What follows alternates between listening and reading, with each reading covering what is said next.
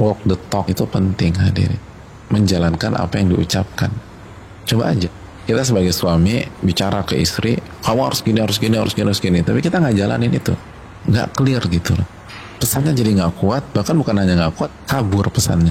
Dan jadi nggak kondusif. Kan nanti orang berpikir kenapa saya nggak boleh? Dia boleh.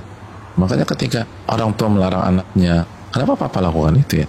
Kenapa aku doang nggak boleh? Itu yang disampaikan oleh Nabi Shu'aib bal ma anhaakum an amrin illa wa ana awal mubtadirin litarkihi. Apa yang aku larang maka aku adalah orang pertama yang meninggalkan hal itu. Sehingga pesannya tuh clear bahwa iya ya papa tuh memang menginginkan kebaikan buat kita semua dan apa yang papa sampaikan itu papa jalanin misalnya gitu.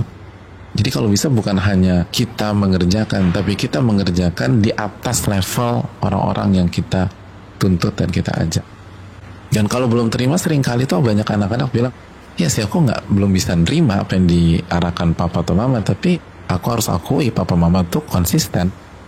Karena itu penting. Itu membuat amar ma'ruf nahi mungkar kita terbukti jujur di sisi Allah. Sehingga Allah nanti kasih power ke ucapan kita